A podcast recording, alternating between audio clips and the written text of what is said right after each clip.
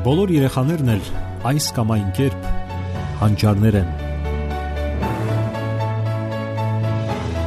Խնդիրն այն է, որ այդ հանճարեղությունը այս կամ այն կերպ ի հայտ բերվի։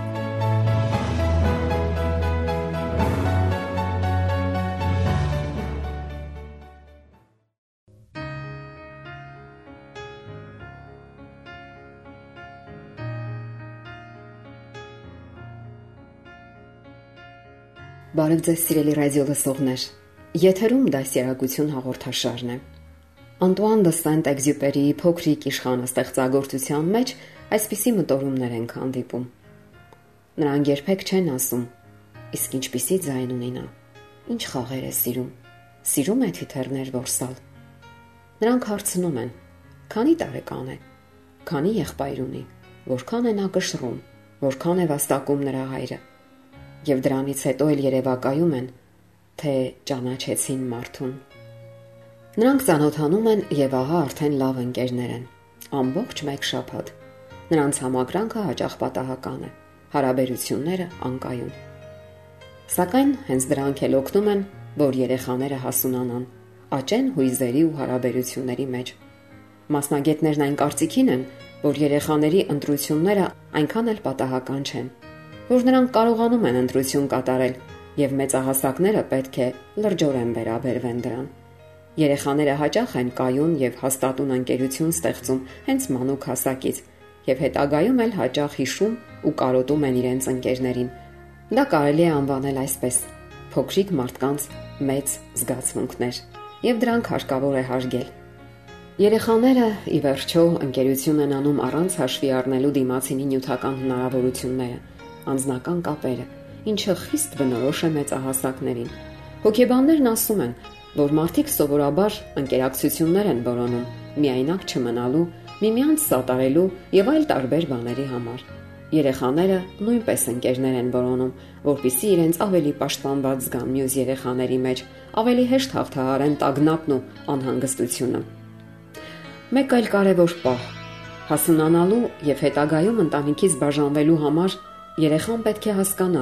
որ կարելի է սիրել ոչ միայն ծնողներին, եղբայրներին ու քույրերին, այլ նաև այլ մարդկանց։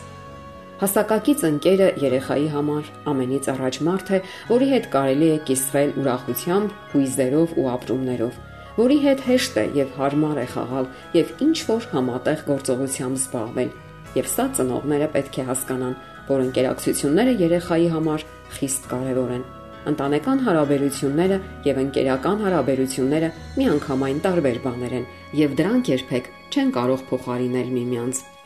Ծնողների հետ հարաբերությունները չեն կառուցվում հավասարի վրա։ Ծնողները գերակա վիճակում են, իսկ ահա ընկերների դեպքում դրանք հավասարների հարաբերություններ են։ Եվ հետո արդեն 4-ից 5 տարեկանին մոտ ծնողների հետ փոխհարաբերությունները արդեն ոչ մի անսպասելիություն չեն բարունակում իրենց մեջ Երեխան արդեն լավ գիտի ծնողներին եւ հասկանում է, որ նրանք ոչ միտեղ չեն փախչի։ Իսկ ահա ընկերների դեպքում ամեն ինչ անկանխատեսելի է եւ լի այլ ապրումներով։ Նրանք ճանաչում են տարբեր մարդկանց, տարբեր առանձնահատկություններ, որն ինչ որ չափով խորթավոր է եւ հետաքրքիր։ Երեխաները տրամադրվում են ընկերությանը, ներդրումներ են անում, ինչ որ բան ստանում, գնահատում դրանք եւ այլն։ Կողքից նայելով կարող է թվալ, թե նրանք ընդամենը խաղում են, սակայն դա ընդամենը զվարճություն չէ, այլ իսկական հոգեբանական աշխատանք։ Հոգեբան Դանիել Աբրանը պնդում է, որ երեխաներին երբեք չի կարելի պարտադրել այնպիսի ինտերակցիաներ, որոնք նրանց դուր չեն գալիս։ Պարտադրել ընկերություն նշանակում է ներխուժել երեխայի անձնական մերձ տարածություն։ Չարժե վերլուծել կոնֆլիկտները, փորձել կենթանացնել այն ընկերությունը, որն արդեն ավարտվել է, Այն ավարտվում է իր ժամանակին, երբ երեխան լիովին զգացել է այն, ինչ ցանկանում էր զգալ ու հասկանալ։ Ասենք, որ ծնողները կարող են օգնել երեխաներին ընկերներ ընտրելու հարցում, սակայն դա հարկավոր է անել խելացի եւ բանիմաց ձևով։ Հարկավոր է հնարավորություն տալ նրանց խաղալու եւ ընտրելու ընկերներ։ Ծնողները պետք է հասկանան, որ մանուկ ժամանակ ընկերներ ճանաչող երեխաները մեծանալով միայնություն են զգում, անբավարարվածություն եւ գոհ չեն կյանքից։ Ընկերոջ պահանջ երեխան առաջին անգամ զգում է 4-ից 5 տարեկանում, եւ դա առավել սրվում է 7-ից 8 տարեկանում։ Ցավոք մեր ժամանակներին բնորոշ է անհանգստացնող այնպիսի մի երևույթ, ինչպիսին խաղային փորձառության բացակայությունն է։ Բակ հասկացությունը վերանալու պատճառով համարյա անհետացել է բակային ընկերակցություն հասկացությունը, որոնք այնքան տարածված էին տարիներ առաջ։ Դրանք յուրատեսակ ընկերության դպրոցներ էին, եւ որտեղ կարելի էր յուրացնել ընկերական, բարեկամական հարաբերությունների բոլոր նրբություններն ու տեսակները։ Այսօր ընկերակցություններ կարելի է գտնել թերևս մանկապարտեզներում, որտեղ երեխաները ազատ խաղում են ու շփվում։ Դպրոցների երկարացված ժամերին, որտեղ դարձյալ հնարավոր է որոշակի շփում մարզական ու տարբեր խմբակներում ընդհանուր շահերով կապված հարաբերություններ։ Չմոռանանք նաև ճամբարները։ Որոշ ծնողներ չափազանց շատ են անհանգստանում դրա համար եւ փորձում են ազդել այդ գործընթացի վրա։ Սակայն դա անօգուտ աշխատանք է, որովհետև երեխաների միջև ընկերությունները տեղի են ունենում որոշակի կանոններով, որոնք իրենք են սահմանում։ Մեծահասակները կարող են ազդել դրա վրա, սակայն անուղակի կերպով։ Իսկ լավագույն օրինակը ծնողների օրինակն է, երբ նրանք ունեն լավ ընկերներ։ Կարևոր են նաև ընտանեկան հարաբերությունները, երբ երեխան սովորում է ինչպես լուծել կոնֆլիկտները, գնալ փոխզիջման, պայմանավորվել ինչ-ինչ հարցերի շուրջ եւ այլն։ Այդ բոլոր հմտությունները ձևավորվում են ընկերության մեջ եւ հետագայում օգնում են թե ընտանեկան եւ թե աշխատանքային հարաբերություններում։ Ծնողները պետք է ակնառու ձևով ցույց տան, որոնք են զուգընկերների ընկերակցության առավելությունները։